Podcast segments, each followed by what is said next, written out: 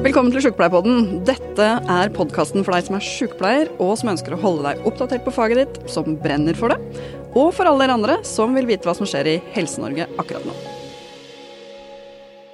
Hjertelig velkommen til eh, en ny episode av Sjukepleierpodden. Og i dag så er eh, Lill så heldig at hun får selskap av to Siljer. I like. Undertegnede. Ja. og Silje Strand Skauge. Hjertelig velkommen. Tusen takk. Du Silje, du er jo sykepleier, åpenbart. Leder av faggruppa for sykepleierledere i Hordaland. Avdelingssykepleier på sykehjem. Ja. Kan ikke du si hva er det som gjør at sykehjem er en spennende arbeidsplass? Det som gjør at det er så spennende å jobbe på sykehjem, og i andre deler av kommunehelsetjenesten også, det er at eh, det er virkelig arenaen for å drive med sykepleie. God, grunnleggende sykepleie. Og pasientgrupper. Eh, mange tenker jo på eldre som eh, en sånn ensarta pasientgruppe. Vi ser for oss litt sånn besteforeldrene våre, kanskje, men de eldre speiler jo på en måte resten av befolkninga. Og gjør, gjør at du møter veldig mange flotte pasienter. Så er det på en måte veldig mye bra folk i kommunehelsetjenesten. Um, jeg har jo hatt en lang pause egentlig fra kommunehelsetjenesten. Og den pausen eh, den har vart i mange, mange år. Um, når jeg var nyutdanna, så hadde jeg jo på en måte lang bakgrunn fra kommunehelsetjenesten, for jeg jobba som ufaglært. Og så ble det så mange spørsmål etter hvert at jeg tenkte at nei, jeg må faktisk eh, ta utdanning. Og da falt jo valget på sykepleier. Det var en veldig naturlig steg i den retninga. Og, eh, og, så forsvant jeg på en måte litt inn i sykehusverdenen. Og når jeg var ferdig utdanna, så jobba jeg på sykehus ett år. Og så fikk jeg en tanke om at nei, jeg har lyst til å gå mer inn i den langvarige pasientrelasjonen. For på sykehus der jeg jobba da, så var det litt sånn pasientene kom fort inn, og de kom fort ut. Og jeg opplevde at eh, jeg ville på en måte litt mer inn i den langvarige omsorgen da, eh, og måten å jobbe på. Så da fikk jeg meg jobb på sykehjem. Um, og der varte jeg tror jeg i åtte måneder før jeg skjønte at her er jeg litt for alene. Mm. Så jeg flykta litt tilbake til sykehuset, på en måte, da, og det, det, er jo en sånn kjent greie. Mm. Men, og da kjente jeg liksom på det veldig, veldig store ansvaret det er, som du selvsagt har på sykehus også. Men der er alle de andre også sykepleiere eller leger. Og på sykehjemmet som jeg fikk meg jobb på da, så husker jeg at vi var på en kjempestor avdeling, to sykepleiere. Og det gikk et, eh, ei uke, tror jeg, før jeg var konstituert avdelingsleder der, fordi at eh, det var mangel på personale og, og, mye som skjedde på den arbeidsplassen akkurat da. Og det var et ansvar som var ganske stort da når man var nyutdanna. Så da mm. gikk jeg på en måte inn, så tilbake til sykehuset igjen, da. Og var der i mange år. Og har også jobba med andre ting i mellomtida. Og så for noen måneder siden så kom det en sjanse til å få jobbe i kommunehelsetjenesten. Og da, etter ganske mange år som sykepleier, så kjente jeg at ja, nå er jeg faktisk klar for det. Nå mm. kan jeg gå inn i det og, og takle det, for nå er jeg en litt annen sykepleier enn jeg var for ti år siden. Mm. Det har liksom skjedd noen ting der i mellomtida. Men du sa, du sa at du jobba som ufaglært uh, i kommunen først. Det tror jeg det er jo mm. Har du gjort det? Har du jobba i kommunen uh, som sykepleier eller før det, eller? Det har jeg, absolutt. Ja. Jeg har uh, jeg jobba både som ufaglært Min første arbeidsplass var på um, Balsfjord aldershjem, heter det på den tida. Jeg var egentlig bare jeg var under 18 da jeg begynte å jobbe der først, og så um, det var sommervikarer. Og så har jeg jobba på sykehjem, og jeg jobba både på sykehjem og på sykehus under hele hele utdanninga. Mm. Jobba på ei sånn eh, demensavdeling, forsterka demensavdeling under hele, mm. hele utdanninga. Mm. Fordi det er jo veldig mange som er assistenter, da, eller som ikke har tatt noe utdannelse i, eh, i helse enda, som jobber i, i kommunen. Og de er jo, man er jo faktisk helt avhengig av dem også, og jeg har òg erfaring som det. Og mange velger jo da å bli eh, helsefagarbeider eller sykepleier eller noe sånt etterpå, men jeg må jo si at jeg er jo ikke stolt av alt det Eh, gjorde som 19-åring som ufaglært på sykehjem. Ikke jeg heller. Nei, det er noen ting. Jeg husker det at vi er blant annet det med å knuse medisin. Ja. Eh, I syltetøy, som var helt vanlig. Ja. Eh, også det observasjonene, eller rett og slett manglende observasjoner. Det jeg trodde jeg gjorde, også som jeg Mm. ser når jeg da begynte på utdanninga som eh, og, og- man gjør godt. Jeg gjorde godt, men jeg ser også at jeg gjorde mange feil. Mm. som kunne fått eh, alvorlige konsekvenser også for pasienten på den tida. Men, eh, men, men det er klart at vi hadde òg Det er noen ting med de, eh, de sykepleierne som var inne, men ikke bare sykepleiere, men, men også de hjelpepleierne. Altså hvor utrolig mye jeg lærte av dem eh, på, den, på den tida vi hadde. Hvor viktig det var med de fag, fagpersonellet som, eh, som også gikk la med oss. Det å stå alene er jo én ting, men det å kunne gå i lag på stell, f.eks. Stor Mm. betydning. Veldig viktig. Ja, og det er jo utrolig mye fine folk. Det er veldig mange som har jobba mange år i kommunehelsetjenesten, som blir der, og som liksom ser at det er den spennende arbeidsplassen som vi eh, tre som sitter her, vet det er. Og det har jeg så utrolig lyst til at vi skal klare å få frem. Og jeg vet ikke, Mange av de som hører på den podkasten, har sikkert hørt første episoden vi hadde med intensivsykepleier Anniken Mm. eh, som oser av stolthet for jobben sin, og eh, mange som har hørt på denne episoden, sier sånn 'Å, jeg har lyst til å bli sykepleier', og det høres kjempegøy ut. Og, og så tenker jeg sånn, Ja, det er helt fantastisk, og du beskriver en hverdag som er kjempeutfordrende. Men det tror mange ikke vet altså Det er jo helt åpenbart at intensivsykepleierne har blitt ramma eh, Stått veldig i, midt i frontlinja i pandemien. Men det veldig mange ikke vet, er jo hvordan det har påvirka kommunehelsetjenesten i Mm. større grad enn sykehusene. Ikke sant? Så, og det å tenke at vi skal snakke litt om, eh, Silje, fordi at eh, Mm. du har jo vært leder liksom på grasrota, der hvor pasientene og de ansatte faktisk er, midt i denne her veldig, veldig spesielle eh, våren. Men kan ikke du fortelle litt om den plassen du jobber nå? Ja. Jeg jobber på en sånn middels stor eh, sykehjem i eh, en nabokommune til Bergen. Da. Eh, Så vi har 74 eh, plasser. Vi er inndelt i tre avdelinger, og på min avdeling så har jeg 31 pasienter. Og ja, nærmere mellom 50 og 60 ansatte, da, med stort og smått. Så har vi to grupper da, for de vanlige geriatriske pasientene, og så har vi en skjerma gruppe da, med pasienter som har demens og trenger skjerming. Så det er en stor eh, avdeling med, med langtidspasienter. Da. Så har vi i tillegg på sykehjemmet korttidsavdeling og rehabilitering og alt det som man må ha når man skal drive god kommunehelsetjeneste. Da. Mm. Så er vi tre avdelingssykepleiere da, på, på huset. Mm. De, fordi de sykehjemspasientene, jeg tror mange, hvis ikke de har hatt en De er glad i å være på sykehjem, så tror jo mange fortsatt at sykehjemspasienten er den, den som man var for bare fem år siden eller ti år siden, som kom gående inn med kofferten i hånda og skulle bo der de Ja. siste Ja. fem åra av livet sitt. Mm. Hvordan er liksom sykehjemspasienten i dag? Jeg kan liksom ikke si at sykehjemspasienten er akkurat sånn. Jeg sa jo litt innledningsvis at, at sykehjemspasienten gjenspeiler jo egentlig resten av befolkninga. Men de har på en måte klart å overleve sant? Og, og kommet til en høy alder, mange av de. Og så er det noen som ikke har så høy alder òg.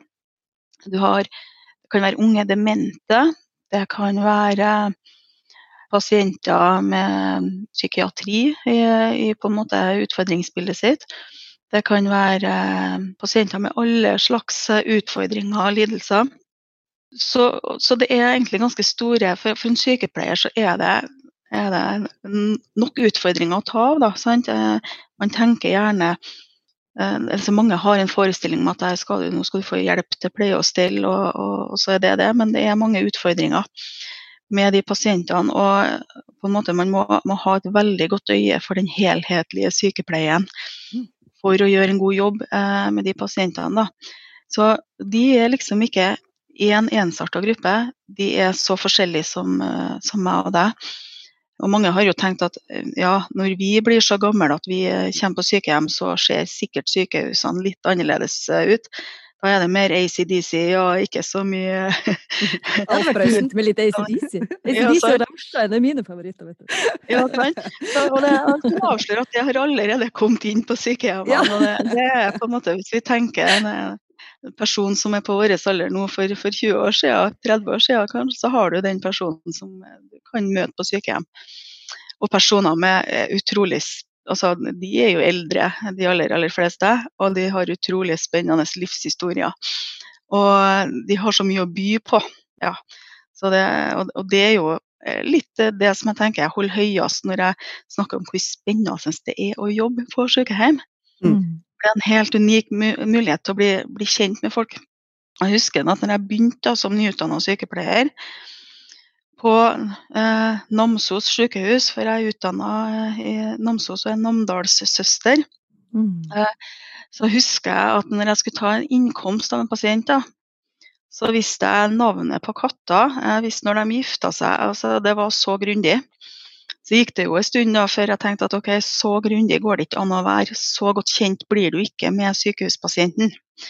Det er det ikke rom for. Men eh, jeg hadde jo vært student på samme avdelinga og fått, eh, fått et sånn veldig sånn stort, eh, stor mulighet til å gjøre det lille ekstra som de andre ikke hadde tid til. Og Det var litt sånn brå overgang, da, men, men akkurat den muligheten der til å bli så godt kjent, den får du på sykehjem. I, i, når du har den langvarige pasientene, så har vi pasienter også selvfølgelig, ikke på min avdeling, da, men på de andre avdelingene hvor de har korttidsplasser. Fort inn og fort ut. Mm. de skal rehabiliteres og kunne fortsette å ha glede av å bo hjemme. Da. Mm. Så Det jeg syns med sykehjem og det å jobbe på den måten, er jo også den bredden med, med sykdommer. Du kommer borti både som sykepleierstudent, men også som, eh, som sykepleier i etterkant. Det er jo, du blir jo flink til alt. Så hvis du bare tør å ta sjansen på, for det er jo et svært ansvar, men det å tørre å ta, ta det ansvaret, da må, du, da må du kunne faget ditt for å faktisk kunne gjøre en god jobb der. For at det, er, det er så enormt. Du kommer borti alt. Alt av Ja. sykdommer, alt av historie, alt av uh, mestring. Sant? Du må kunne noen ting om, om alt. Til forskjell fra det å være på ei sykehusavdeling, som du må Du blir sånn spesialist på noen mindre tema i større grad. Altså Mhm. du blir bare hjerte, eksempel. Hjerte, kar, lunge, som jeg jobber på. ja, ja. Eh, Men utrolig kjekt da å ha kompetanse både på diabetes, kols, hjerneslag, eh, epilepsi i tillegg når man skal jobbe på sykehusavdelingen sykehusavdelingen Så Vi trenger den her, Også på sykehus så trenger man de sykepleierne som har den breddekompetansen. ja, ja. Jeg gleder meg veldig til vi får de her avanserte kliniske sykepleiere også på sykehus, i en sånn, som skal jobbe på, ikke på spesialavdelinger, men Mhm. på vanlige avdelinger. For jeg ser for meg at det er egentlig de kommunesykepleierne som, som kommer inn og jobber på sykehus, de er egentlig nettopp det. De har den bredden, virkelig. Mm. Mm. Forståelse for helhet på en annen måte. Ja, de har det. det og de, de har på, du, har, altså, du har den langvarige oppfølginga av pasienten. Du observerer hver dag setter det i system og er på en måte en slags detektiv når det gjelder å komme og finne ut av hvorfor ting har endra seg litt grann hos pasienten. Det får du på, på sykehjem. og da når jeg begynte som sykepleier, da, så hadde jeg jo eh, tidligere jobba i hjemmesykepleien som ufaglært. sånn at eh, da ble det jo hevet litt ut i det alene som ufaglært. eh, I ei litt grisgrendt grend, da, hvor du kjørte i tre kvarter. eh, hadde sykepleier på øret og fikk beskjed om at den er blå pilla, hvis du kan ta vekk to av de blå pillene fra dosetten på onsdag, så flytter du det dit. Det, var, det var jo marihuan da jeg holdt på med som ufaglært. Um, en veldig dyktig, tøff sykepleier på, på linja. Um, jeg husker jo veldig godt ennå. Jeg tenkte hvordan i alle dager torde hun å la meg gå løs oppi den dosetten den gangen.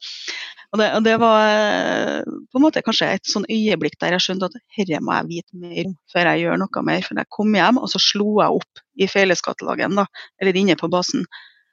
Og så begynte jeg å lese, sant? og så skjønte jeg dette er kanskje litt, eh, litt sånn på grensa til hva jeg skal gjøre. da. Mm. Men poenget mitt da, nå snakka jeg meg litt ut på vidda, poenget mitt var at når jeg jobba på Namsos sykehus, så var det en kjempestor eh, avdeling, kirurgisk sengepost, da, som jeg havna på. Uh, når jeg begynte å tenke at jeg skulle bli sykepleier, så var det jo akuttet som på en måte appellerte til meg. da. ville jo, litt sånn som han Lars Berrum sa, jeg ville ut og redde liv. Mm. Sant? Og så fant jeg ut etter hvert at jeg er jo rett og slett ikke bygd for fart. Så det var litt den langsomme greia. Det er, det er mer min sånn eh, passion og min, min da. Men det å på en måte ha den eh, allsidigheten som jeg også tok med meg inn i eh, når jeg flytta til Bergen og begynte på Haukeland på en spesialisert avdeling, den var helt uvurderlig, tenker jeg. For å kunne Mm. klare å håndtere det spesialiserte, så må du ha det der grunnleggende i bunnen. Mm. Generalisten. Uh, og det husker jeg godt at han, han ene overlegen der jeg jobba på sykehuset, han sa at generalisten finnes ikke lenger her på sykehuset. Vi Mm. har blitt spesialister. Og da kontrer jeg fort med at ja, men sykepleierne, vi er generalister. Og det er slettes ikke noe dårlig kort. Og, eh, og det har jeg tatt med meg inn i kommunehelsetjenesten og tenker at nå er jeg rigga på en måte for å ta den utfordringa. Ut ifra min bakgrunn. Mm. Jeg har jo øh, jobba som avdelingssykepleier på sykehjem, eh, Silje. Mm. Og, det med, da, og da hadde jeg ikke vært i kommunesektoren på lenge. Da hadde jeg vært i spesialisthelsetjenesten, jobba i kreftomsorgen, ikke sant? med Mhm. ganske mye ressurser, eh, vil jeg si. Eh, og så hadde jeg vært i kommunehelsetjenesten som ufaglært før det. Mm. Men å komme tilbake til kommunehelsetjenesten til en langtidsavdeling med de rammebetingelsene eh, som man har å spille på som avdelingssykepleier da, det var litt sjelsettende. Og, det var derfor jeg spurte litt om hvem er sykehjemspasienten. Fordi, og dette er jo veldig stor forskjell, vet jeg. Altså, eh, men på eh, det sykehjemmet jeg jobba, da, så var det i Hamar kommune, som, eh, hvor jeg bor, så er det, der satser man på hjemmesykepleie. Og det vil si Mm. at eh, for å komme på sykehjem, så må du være veldig dårlig. Ja. Sånn at det blir veldig kort liggetid. Mm. Og, med, og de, de som ikke er sykepleier, skjønner ikke hva det betyr, men det betyr at det er, du lever veldig kort etter at du kom på Mm, sykehjem. mm. Og, og konsekvensen av at man lever veldig kort når man kommer på sykehjem, det er at de som jobber der, må håndtere veldig mye eh, dødsfall. Mm. Og det å legge til rette for en god død, det er jo virkelig grunnleggende sykepleie, som du snakker om. Eh, Mm. Men det krever ressurser. Og det krever tid. det. Og det krever kompetanse. Mm. Og det opplevde jeg at der har ikke helt, der har ikke helt kommunehelsetjenesten eh, på en måte holdt farta til samhandlingsreformen. Ved at man Nei. har bygd ned, uh, sagt at sykehusene her skal, skal pasientene ut mye fortere. Kommunen får mye større ansvar. Mm. Og, og da forflytter det seg, ikke sant? Og så får Ja. man uh, veldig veldig mye terminalomsorg i sykehjem. Så jeg opplevde at, at vi hadde, hadde nesten mer terminalomsorg på sykehjemsavdelinga enn det jeg hadde opplevd i kreftomsorgen i spesialisthelsetjenesten. Ja. Hva tenker du om det? Nei, altså Jeg kjenner meg veldig godt igjen i det. fordi at eh, jeg har jo også jobba på sykehuset på en kreftavdeling. Og så husker jeg at jeg, i 2013 da, så eh, fikk jeg ei datter. Og da hadde jeg jo naturligvis litt permisjon. Og det var vel i de tidene vi på en måte eh, var i starten av Samhandlingsreformen. Og så husker jeg det at vi, vi, vi snakka mye om det, og, og på min avdeling, da, som hadde den gangen 14 pasienter med kreftsykdom, så eh, var det i gjennomsnitt 26 eh, dødsfall i året. Og så falt det liksom litt sånn dramatisk og brått. Uh, og jeg har jo ikke liksom forska på det, men, men jeg ser det i sammenhengen med Samhandlingsreformen. da. Og eh, jeg tenker det er, veldig, det er en veldig riktig sånn eh, tanke at de skal få lov å være nært hjemmet sitt, men samtidig så, så, så gjør det noe med, med hvordan vi tilrettelegger for det å dø. Da.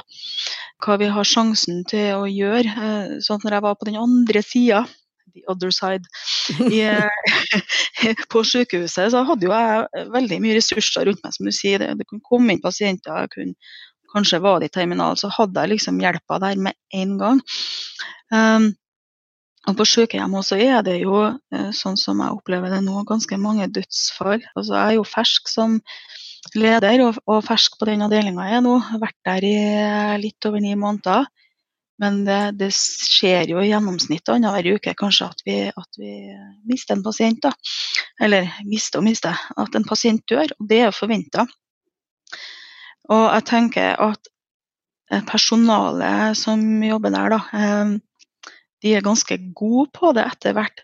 Eh, Men det flyter ikke over av nettverk for å, å på en måte jobbe med lindring eller, eller kompetansetilbud. Noe har vi, på en måte, men det er, det er noe som de ansatte etterspør mer kompetanse for. Og, og det er jo fordi at de kjenner på det store ansvaret det er da, god lindring. Um, og det er ikke alt vi gjør som er optimalt, men, men uh, veldig mye blir jo, blir jo, det veldig mye bra sykepleie av. Fordi at de er så stødige. sant? Og, mm. og, så er det litt sånn, når du jobber i kreftomsorgen, så er du liksom litt sånn drilla på det der. Man er opptatt av døden. Og så er det litt sånn på sykehjem at ja, den er nå der bare.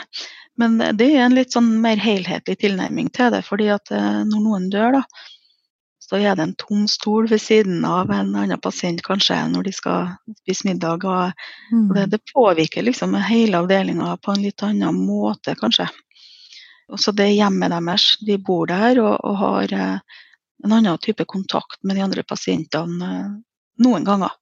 Men ofte så har man en sammensetning av pasienter i avdelinga som gjør at de har lite med hverandre å gjøre, at det kanskje er lite sånn sosialt mellom dem. Fordi at som du sier, Lill, det er de er ganske syke når de kommer inn. Mm. Og da er det på en måte ikke det fokuset der at nå skal jeg bo her i de neste ti årene. Eh, da er det nå, nå er det siste stoppested. Og det er det mange pasienter som, som vet, og som setter ord på, eh, egentlig, da. Så er det jo altså 80-90% av uh, pasienter på, eller beboere på, på sykehjem er jo demenssjuke. Mm. Uh, og det har jo òg betydning for, uh, for hvordan man gjør pleie og den relasjonen som blir mellom de, de ulike pasientene. Mm, det har det. det har det. Vet dere, Jeg satt og leste på Sykepleierforum her i morges på Facebook, Sykepleierforumet på mm. Facebook. Og der var det et spørsmål som gikk på uh, bemanning på sykehjem. Har ikke sett det? Nei. Nei. Men i alle fall så var det interessant, for de spør om, um, om bemanning i forhold til antall beboere og antall sykepleiere og fagarbeidere osv. Så, videre. så er det en hel del svar på det. Oi. Det er egentlig litt sånn nedslående, for det, er, det, viser jo at det er utrolig få sykepleiere. Sant? Her er det én sykepleier, og så har du tre hjelpepleiere og helsefagarbeidere. Altså opp mot 30 pasienter på ei somatisk sykehjem. Mm. Mm.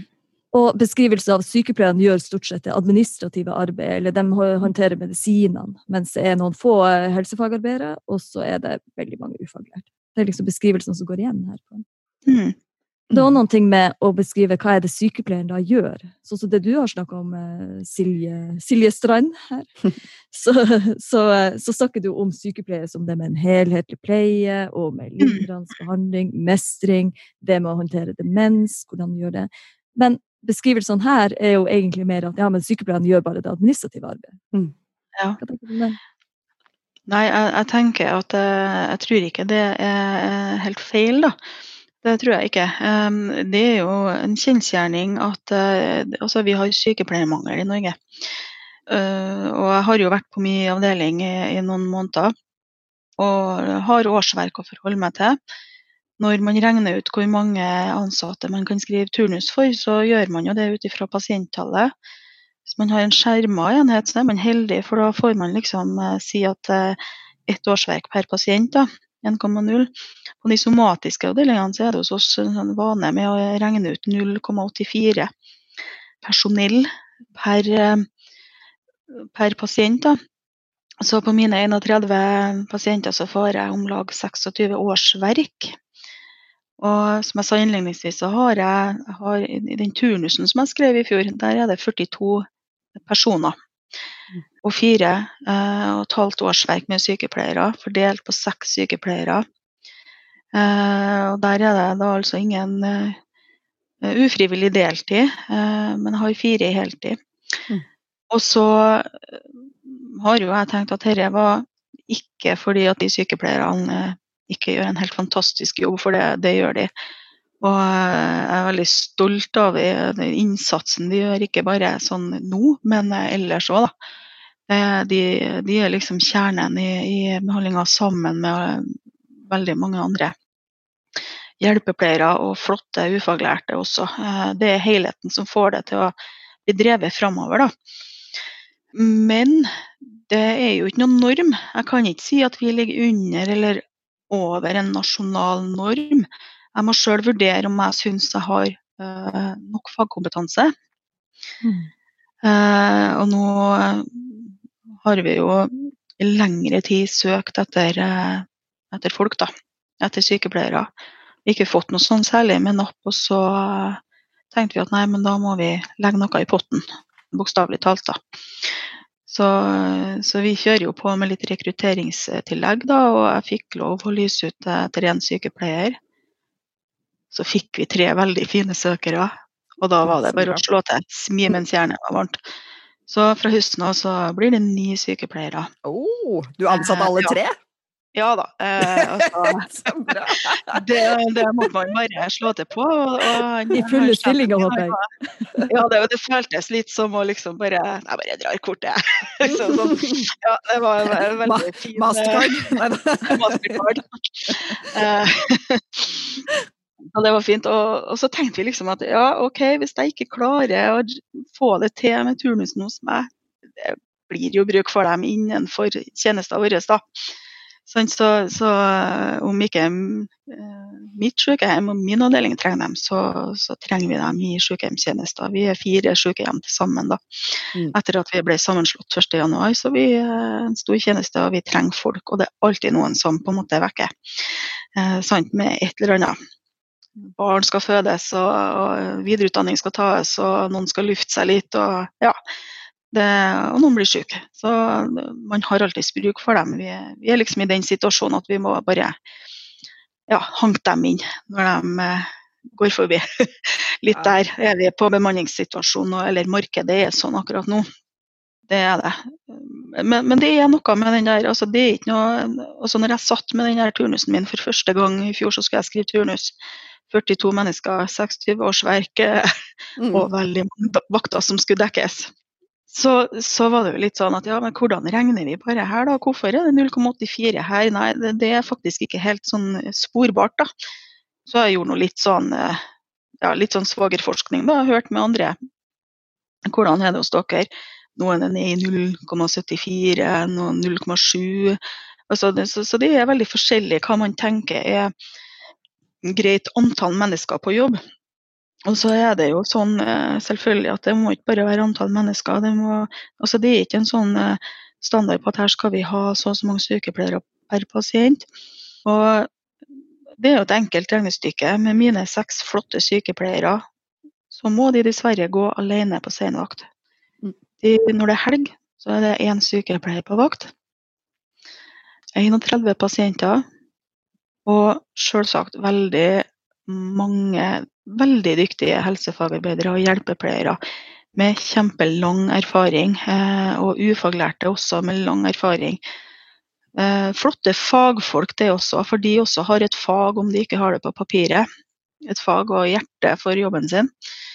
Men det er et stort ansvar eh, på en måte å ha da, 31 pasienter. Og på natt også så har vi liksom litt utfordringer med å få fatt på nok folk. Sånn at du, du har et kjempestort ansvar. Og det leder meg egentlig litt til å tenke på, på det her med, med hvordan vi altså Når du sier Lille at ja, sykepleierne gjør liksom det administrative. Og er det en litt sånn uh, sykepleier som ikke er så erfaren, så sant, som, uh, som, kanskje bruker mye tid vekke ifra den daglige pleien, mat, altså alle de rutinene som er fast, som ofte faller på, på resten av bemanninga, så får man jo tilbakemeldinger om det da, i et arbeidsmiljø.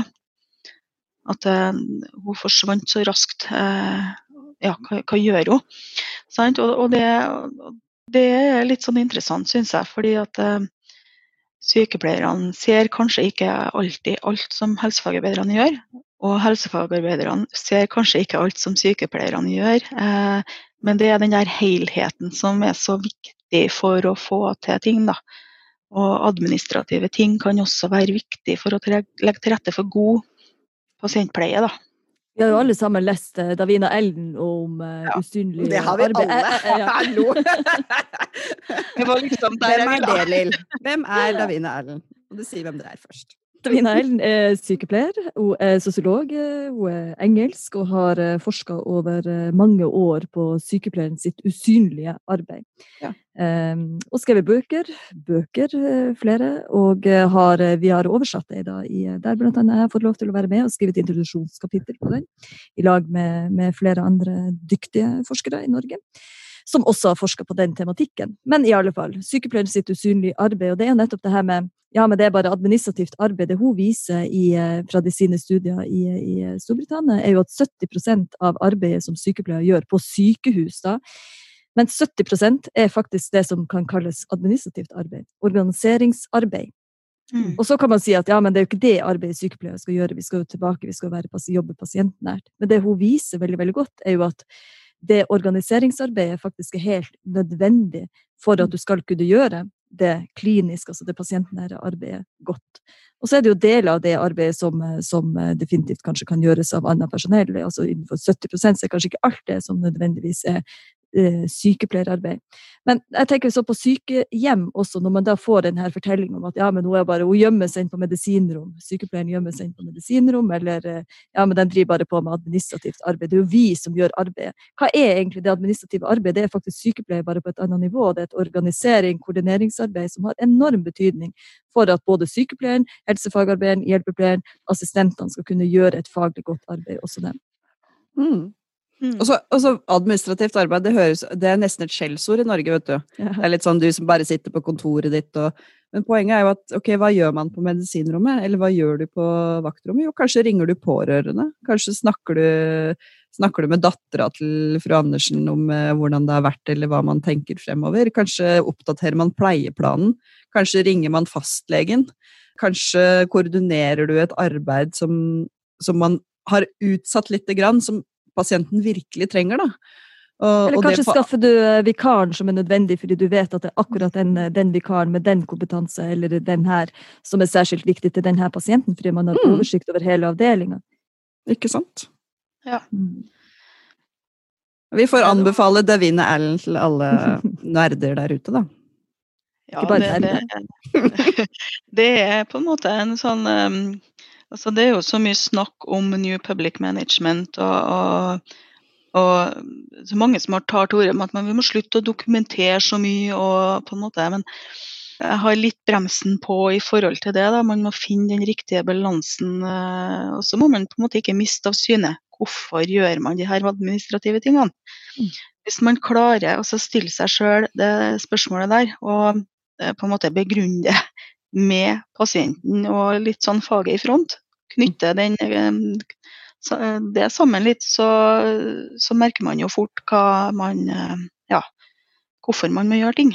Hvis mm. man finner en god grunn, så, så er det jo på en måte der man må finne motivasjon til å gjøre det der eh, mm. administrative arbeidet som havner i en stor samlesekk. Da. Og, og grunnen til at jeg er så begeistra for den den boka og den forskninga som Davine Ellen har gjort, det er jo fordi at eh, når jeg skal argumentere for hva eh, type ressurser jeg trenger til min avdeling, så må jeg sette ord på det usynlige arbeidet. Mm. Og uten at jeg gjør det, så, så kommer jeg ingen vei. Og, og, og, det er på en måte å sette faget i front. For da Uten det kan du på en måte altså, Du har ikke et språk å, å, å snakke på hvis du ikke klarer å sette ord på det. Og uten at vi setter ord på det usynlige arbeidet, så får vi ingen flere ressurser. Fordi det er en ting som er likt mellom kommunehelsetjenesten og spesialisthelsetjenesten. Jeg har vært tillitsvalgt i mange år i spesialisthelsetjenesten, og vi hører det samme. Du må prioritere innenfor ramma. Og da må ramma liksom ha plass til alle de viktige tingene. Det skal ikke bare være eh, lovlige tjenester, men det skal være gode og omsorgsfulle tjenester. Og det, det må vi være liksom litt sånn eh, flinkere til å, å, å snakke om. Jeg blir så glad når du eh, snakker sånn. Ja. Jeg blir virkelig, jeg så, glad. Er det lov å si halleluja? en amen. Helt enig. Amen. Men vi er nødt til å, å, snakke litt om den veldig spesielle våren som har vært. Og du vet at i Norge så er det nå 237 som er døde av covid-19. Mm. Men i nabolandet vårt, eh, Sverige, Så var jeg inne og sjekka i, i, går, og det, der er det faktisk over 4500 eh, mm. som er døde. Ja. Der sier de at uh, av de som har dødd i Sverige, så er 90% over 70 år. Halvparten har bodd på sykehjem eller annen institusjon, og en fjerdedel har mottatt tjenester fra hjemmesykepleien. Ja. Og de pasientene som bor på sykehjem, de er jo virkelig i høyrisikogruppa. Mm, mm. Kan ikke du beskrive den uh, følelsen uh, du hadde rundt 12. mars, når du skjønte, skjønte hva som var i ferd med å skje? Og det ansvaret ja, du da hadde? Ja. Nei, altså Jeg må jo bare innrømme at jeg hadde litt klump i magen rundt den tida der. Mm. Det var liksom Oi, nå, nå kjører vi. Nå, nå, må vi liksom Nå må vi rigge oss. Eh, og vi hadde snakka om det, men vi hadde ikke snakka om det eh, på et tidligere tidspunkt på en konkret måte. Eh, og det er en viktig lærdom for meg, da. Vi hadde liksom tenkt at ja, det er noe, det er nå i Kina ennå, og vi må nå liksom tenke at det kommer kanskje til Norge også, men, men ja. Vi har nå de rutinene vi har, så vi, vi klarte liksom ikke å ha en sånn praktisk eh, syn på det sånn når vi satt i tidlig februar og, og snakka om det, da. Og så kom 12. mars. Da, da, var det på en måte om å gjøre å snu seg om fort. Mm. Men som du sier, det ansvaret man kjente på da, altså den der eh, litt eh, redselen for at vi skulle få det inn. For at man vet med den pasientgruppa uh, som har den høye risikoen at får du det, så, så, er det ikke sikkert at det går så bra. Nå har vi hatt flere sånne i avisene som har vært 90 år og overlevd. Men sykehjemspasienten har ikke de beste forutsetningene for det. Og det var et scenario som var liksom litt sånn Worst case scenario. Får vi det? Hva gjør vi da? Eh, det, var, det var tøft eh, den tida. Og i mange uker etterpå, før det begynte å roe seg og vi følte at vi hadde begynt å bli kjent i situasjonen. Mm. Og, hvor... og klart å tenke hvis sånn, så sånn. Mm. Ikke sant. Men hvordan håndterte de ansatte det, syns du? Jeg syns egentlig jeg, jeg, blir veldig, jeg, blir veldig, stolt når jeg tenker på hvordan de har håndtert det. Hvordan de har vært på tilbudssida, hvordan de har satt seg sjøl til side for å bidra uh, i den situasjonen som var, og hvordan de har takla um, det, det, som skjedde da. Det, det, var jo mye usikkerhet da, de første, den første tida. Mm. Og sammenfallende med koronakrisen, da, så på min avdeling så, så fikk vi et veldig stort uh, sykefravær som ikke var direkte knytta til, til, akkurat pandemien. da. Men det gjorde jo at vi, vi måtte liksom jobbe hardt for å få, få folk på jobb, og, og, det var mange i karantene. Sant? De, de hadde kanskje vært eh, sammen med noen som kanskje hadde fått det, og som var testa. Eh, så det var en intens periode. Og det er klart at de Det var veldig mye informasjon da, å ta inn over seg. Eh, og de ansatte har, eh, har stått i det veldig støtt, da. Det har de. Og landa på fotene, på en måte. Sant? Men det var jo hektisk. Og det var var en usikkerhet. og Jeg husker så godt eh, på vaktrommet en av de første dagene. Vi, vi hadde liksom holdt det på en armlengdes avstand. og, og det er jo litt sånn at uh, Mitt administrative arbeid er ikke like synlig ute i avdelinga. Vi satt jo og jobba intenst med ok, hvor flytter vi pasientene hvis, de, hvis, vi får noe her, hva gjør vi? Altså, det var en sånn på et nivå som kanskje ikke var synlig ute i avdelinga. da. Eh, og så fikk vi en pasient eh, med litt tett nese og litt symptomer som var litt sånn Ja. Og så var det OK, da isolerer vi. Og jeg husker når vi liksom eh, gikk i gang med det, den første isolerte pasienten på min avdeling. Da hadde vi allerede hatt noen på en annen avdeling som var isolert da, på, på mistanke. Den stemninga der da, den var ganske til å ta og føle på. Og det var mange som faktisk var, de var redde. Eh, ikke nødvendigvis bare for seg sjøl, for seg sjøl også selvsagt og familiene. Mange bor jo med, med andre som er i risikosone, og kanskje er de i risikosone sjøl. Men den der tanken på OK, jeg, jeg var litt tett i nesen i går, og skulle jeg gått på jobb, er det jeg som har tatt det med inn her? Den følelsen eh, å stå i, Mm. den tror jeg alle liksom ble ekstra sånn eh, oppmerksom på. da. Eh, og det var, det var tøft, men de snudde seg rundt og, og brukte kunnskapen sin til å takle det her. Og jeg, jeg er bare så umåtelig stolt av hvordan de har eh, stått i det. Mm. Det er jeg. For det jo, vi har jo gjort de her medlemsundersøkelsene våre eh, Jeg tror det var i rett ved påske vi tok, og så er det en eh, senere i etterkant også. Men i alle fall så synliggjør de jo at, eh, at eh, 80 er jo redd for å smitte pasienter. Og beskrivelser også i fritekstdata her som, som er det å, å oppleve Føle seg som en bøddel. Er det jeg som eh, har med meg smitten inn? Ja. Ja. Og det er jo ikke en god følelse å kjenne på. Og Dermed så har det jo stor betydning også hvordan de blir eh, ivaretatt av lederne sine. På, Mm, mm. At det har virka skremmende for mange. Det var jo ukjent, det er jo nytt for, for alle og enhver. Så selv om man er vant til å håndtere smitte, så er det jo likevel en, en annen. Um, et nytt virus, eh, andre symptomer, og man var usikker på både smittemåte og alt i begynnelsen. Mm. Ja, Så det er klart at det var en usikkerhet og en redsel også blant sykepleiere. Mm. det var det. Um, Det, det var tøft å stå i, altså.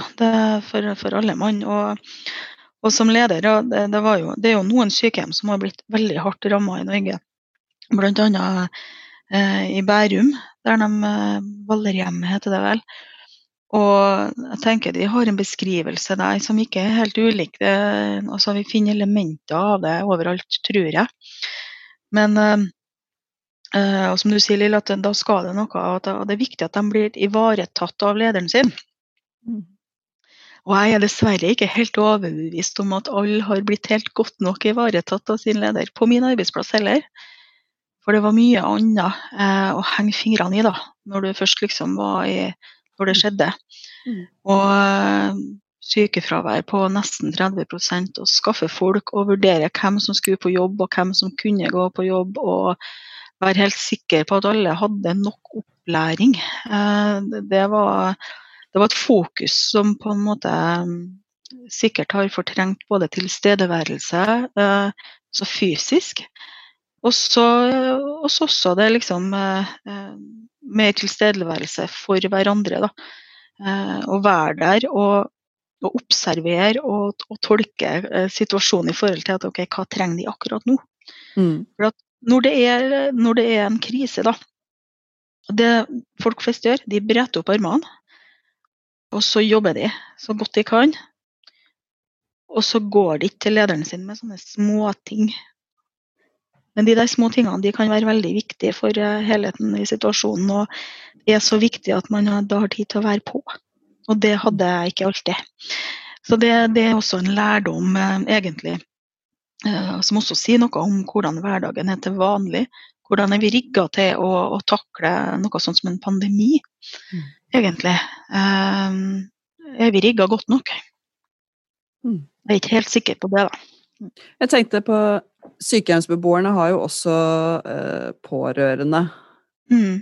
Og det, liksom det å være pårørende som da plutselig blir nekta adgang eh, Ja, til å ja. se eh, bestemor eller mamma eller eh, best... Altså, ikke sant? Mm. Mange pårørende ville nok òg føle at de mista veldig kontroll. Fordi at Mm. eh, Min erfaring er jo at mange av dem besøker ofte, ikke sant? er en del av den daglige pleien og kontakten, og, Ja. og også er en viktig ressurs for avdelinga på mange måter. Men også at de føler at de liksom skal ha litt sånn oversikt over hvordan det skjer, og være sikre på at det går bra. Og sånn. Og så selvfølgelig Ja, også det at, eh, som at det er dødsfall. Hvordan håndterte dere den pårørende, pårørende sine følelser da, oppi hele Mm. Ja. situasjonen? Ja, de, de første, på en måte, altså akkurat rundt 12. mars, og det, det gikk et par dager der hvor vi hadde tenkt at ok, vi, vi tok en ringerunde da, først til alle pårørende og sa at nå, nå er det smitte på gang her, nå er det noe på gang, og vi, vi um, vil helst at bare to skal komme. Og dere må være sikre på at dere ikke har vært i kontakt eh, med noen som er smitta, eller ikke har noen symptomer selv. Lang ringerunde. Og, og de pårørende viste veldig stor forståelse for det, da. Mm. Eh, og forholdt seg til det. Eh, og hadde på en måte kontakt eh, med de ansatte om det hele tida. Og så stengte vi så gikk jo det også helt fabelaktig den første tida, sjøl om noen sant, som, som, går der hver dag mm. og er pårørende på heltid, eh, nær sagt, mm. og bor der, er der eh, i nærheten, da. Um, det var vanskeligere etter hvert, da. Både å se at de savna sine, og at de pasientene savna de. Uh, vi forsøkte jo å liksom legge på litt med bemanninga, fordi vi plutselig skulle vi ikke ha noen aktivitør. Ingen eh, besøk inn, eh, ingen andakt, ingen eh, fredagskonsert. Altså ingen aktiviteter, bortsett fra det faste personalet. Mm. Så da måtte vi plutselig ta den rollen òg.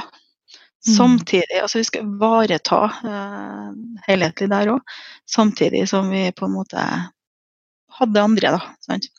alt andre. Så det, det ble mye pårørendearbeid til tross for at det var stengt. Da, for det, man må ta det på telefon. Da, og, og, det er jo en av grunnene som, eh, til at jeg har tenkt at det, behovet for kompetanse ble så tydelig.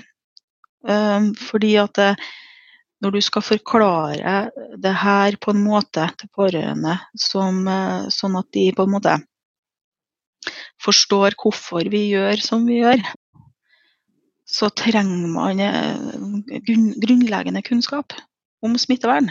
Mm. Og også, ikke bare om smittevern, men også hvordan man skal trygge et annet menneske. Mm. Og sant, Det er jo sånn på sykehjem at vi kjenner jo veldig godt mange av de pårørende. Eh, og Noen bor jo lenger unna, vi har ikke så god kjennskap, men eh, det er jo en umåtelig stor ressurs eh, i det store og hele som vi mista litt sånn brått, og som det var, var, tøft å på en måte takle det tapet. Og flere pasienter var jo der at de gikk inn i kanskje depresjoner og reaksjoner på det og redsel for å få ikke se sin datter eller sin sønn igjen. Mm. Og, og, flere var veldig tydelige på at nå, nå, er det stengt, og det her er tortur, og nå dør jeg sikkert. Hvis det skjer noe. Det er på en måte litt sånn eksistensielt oppi alt, eh, også for de eldre. Eh, vi tenker liksom hele tida at de, de, de, er så vant med det. Og har forsont seg kanskje med at nå er jeg på sykehjem, men eh, det kommer så nærme, da, mm. Eh, på en sånn uvanlig måte, så, så er det tøft. Mm. Og noe man skal ivareta. Eh, ikke ta liksom for gitt at det takler man. Mm. Derfor har det vært viktig for oss også som eh, sykepleierforbund å jobbe Og at det ble riktig da med den gjenåpninga. Mm. Og, og, og, og, det har vært mye kreativt arbeid, tenker jeg, blant ja, ja. personalet på sykehjem for hvordan du skal klare å ivareta den kontakten med, med pårørende. For det er klart, eh, både innestengt og utestengt, som vi skrev en, en kronikk om. Mm, Særlig mm. krevende for de, for de eldre som Det er kanskje ikke noe neste sommer. Mm. Fordi Nei, det er ikke det. Nødvendigvis. Og, og, og, så er det jo også litt sånn at det, det oppstår jo eh, ting hele tida. Altså I løpet av ei vanlig uke, på, i en vanlig hverdag på sykehjem, så er det mange som får seg en liten tur inn på sykehuset, og de blir dårlige kanskje. Kanskje tilkaller man pårørende. Nå tror vi at å nei, nå, nå er det noe på gang her som gjør at kanskje det nærmer seg eh, at de dør. Og så kommer de seg igjen, og så var det jo over kneika for denne gangen. Og så, kan det skje at eh, vi har et dødsfall som kommer litt brått. Eh, og da er det jo veldig sånn at vi snur oss rundt fort. Og så plutselig er det liksom et stengsel inn mot sykehuset. Det var ikke trygt for dem der, eller, det var ikke kapasitet. eller de var ikke prioritert. Eller pårørende kan ikke komme inn når det er liksom behov for at de er der. Da. Og vi har jo valgt en linje hvor vi har eh, i situasjoner der vi har hatt eh, drevet med palliasjon, så har vi åpna på en trygg måte eh, for besøk i livets siste stund. Og det, det, har vi kunnet gjort fordi vi har kompetanse og kunnskap om hvordan det skal gjennomføres trygt. Mm. Og vi har prioritert det. Vi har hatt anledning til å prioritere det, og det er jeg veldig glad for. For den siste stunda den får du aldri tilbake. Den mm. blir sånn som den blir. Mm. Mm. Det er godt å høre. Det har vært veldig viktig. Mm. Ja, det er mye flinke, mye flinke folk rundt omkring altså, som får til ting uh, med de ressursene man har. Det, mm, mm. Det er noen ting med at med en gang det er helsetjeneste, så forventes det at du skal få til med de ressursene du har. Ja. Eh, selv om det er klart at sånn som her, skal du ha kontakt med pårørende i den situasjonen her, skal man legge til rette for det, så krever det ekstra ressurser.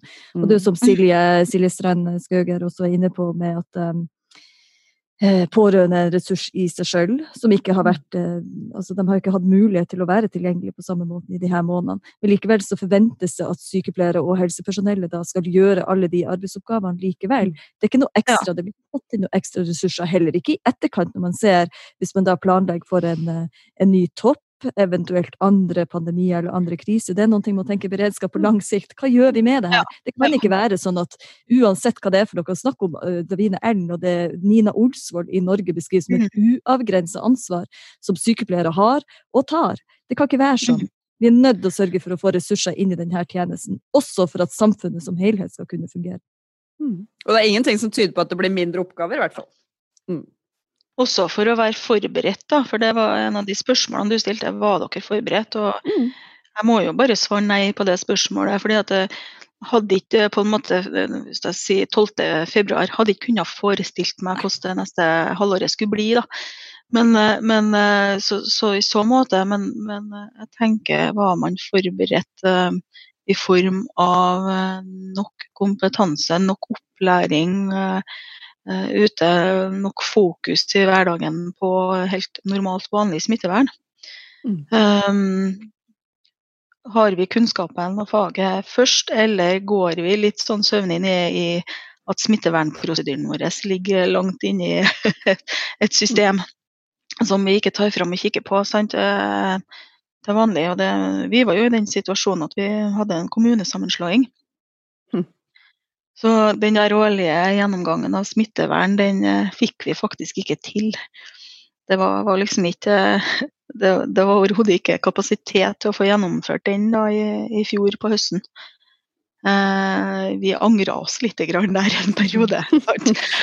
Vi, eh, samtidig som kunnskapen ligger jo der, vi, men den må kommuniseres. Og må, altså kunnskap er ikke bare å levere en prosedyre ut. Her, les det her, gjør det her kunnskap er å øve seg. Eh, og sånn som før vi fikk den første isolerte pasienten, så hadde vi jo øvd. Sånn tar du på eh, mm. smittevernutstyr. Sånn beskytter du deg. Det her er dråpesmitte, hva gjør vi da? Altså når vi fikk eh, det litt landa, mm. så, så landa det faglig for veldig mange av sykepleierne, i hvert fall, tror jeg. For da var det OK, det er dråpesmitte. Da gjør vi sånn. Um, og den kunnskapen uh, må jo noen må kanskje minnes på litt den, og hente den fram igjen sånn, uh, i en krise. Og, men de ufaglærte har ikke nødvendigvis den på plass. Så i for, forhold til f.eks. For hanskebruk uh, og, og, ting man gjør, som du sier, Lill, du gjorde godt.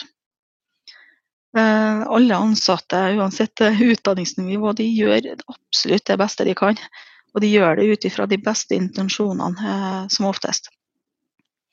Og så kan det bli feil, fordi mm. at eh, vi gjør noe som, vi, eh, som fører til mer smitte istedenfor mindre smitte. Mm. Men hensikten var hele tida å beskytte, så det er litt sånn en ordtak som jeg har tenkt på. Og det er at veien til helvete er brolagt med gode hensikter. Mm. Men kunnskapen må være der for at vi faktisk skal uh, ja, klare å komme et litt annet sted enn dit, da. Silje, tusen takk for at du tok deg tid til å være med på Sjukepleierpodden. Det satte vi veldig pris på. Jeg håper at mange tenker etter å høre på denne episoden at eh, kommunehelsetjenesten det er en spennende og utfordrende plass å være. Og så tar vi mål av oss at det er flere av de nyutdanna sykepleierne som ønsker å komme i kommunehelsetjenesten. Og da jobber vi selvfølgelig hver eneste dag med å øke kvaliteten på praksis, f.eks. Eller uh, mm. sørge for at det er veiledere som har utdanning også i kommunen. Og så handler det, som, den, som Lill sier, det handler om ressursene. Vi må slutte å si at uh, vi får til alt innenfor disse ressursene. Nei, nei. Vi ønsker god kvalitet på tjenestene. Mm, mm. Da må vi kunne argumentere for det, og det syns jeg Silje du var veldig flink på å tydeliggjøre. Det nytter ikke å levere et avvik bare fordi at det føles feil, eller fordi at det her er ikke faglig forsvarlig. Hva er det som ikke er faglig mm. forsvarlig? Hva er det som ikke er på plass? Du må kunne mm. argumentere faglig, og det er jo fag i front. Mm. Det er faget i front, og, og, og jeg har tenkt på litt grann i siste som jeg har bare lyst til å spille inn litt sånn på slutten, sjøl om vi er på overtid. Gjør det. Det at eh, Vi hadde jo noen, et fantastisk eh, webinar her, en webinarserie for ledere som NSF har, har eh, satt i gang da, med Leo Kant. eh, og Han nevnte for oss eh, en sånn modell for hvordan vi jobber i kriser som, som, som satte ting veldig i system for meg. da. Fordi at jeg lener meg veldig på Davina Allen. og og bruker det som sånn indre motivasjon til å si at nei, nå må jeg argumentere for ting. Så, men, men hvor finner jeg faget i front? Mm. Da var det en som heter Carrington som hadde skrevet, og han eh, er litt usikker på om han er, han er vel psykolog, tenker jeg. Men uh, han hadde forska på det her, at hvor, uh, hvor skjer det hen? Hvor kommer faget fram? Hvor er den felles, liksom Han snakker om felles mentale modeller. Hvor skjer det at vi finner ut hva som er den riktige måten å gjøre det på? Jo, det er som oftest på gulvet, og det er nedenfra i en organisasjon. Mm. Og det er der vi trenger å være tett på, og det er der beslutningene trenger å være tett på det som skjer eh, der, da. Så medvirkning, medvirkning, medvirkning. Det er et mantra for å få til god kvalitet i kommunehelsetjenesten. Og i andre helsetjenester også, selvfølgelig, da. Så, så det satte veldig sånn system for meg, da. En ramme å jobbe innenfor. Jeg syns det var veldig veldig godt sagt. Og så er det noen ting med medvirkning er veldig bra, men det er jo som jeg også har snakka om mange ganger før, at skal du medvirke, så må du også ha en valuta. Når du kommer til bordet Mm. så for å virke med, så må du også ha en valuta å deale med. Og valutaen vår som sykepleiere er den sykepleierfaglige ekspertisen.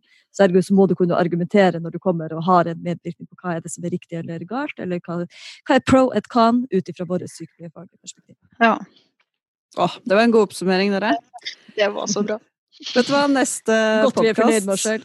Ja, det er, det er ingen skryt Altså, ingen skryt er som sjølskryt.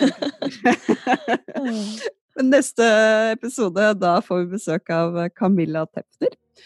Hun er jobba med innovasjon og teknologi i årevis. Og det skal eh, Lill og jeg og Camilla snakke om neste gang. Hvordan kan teknologien redde helsetjenesten? Takk for nå.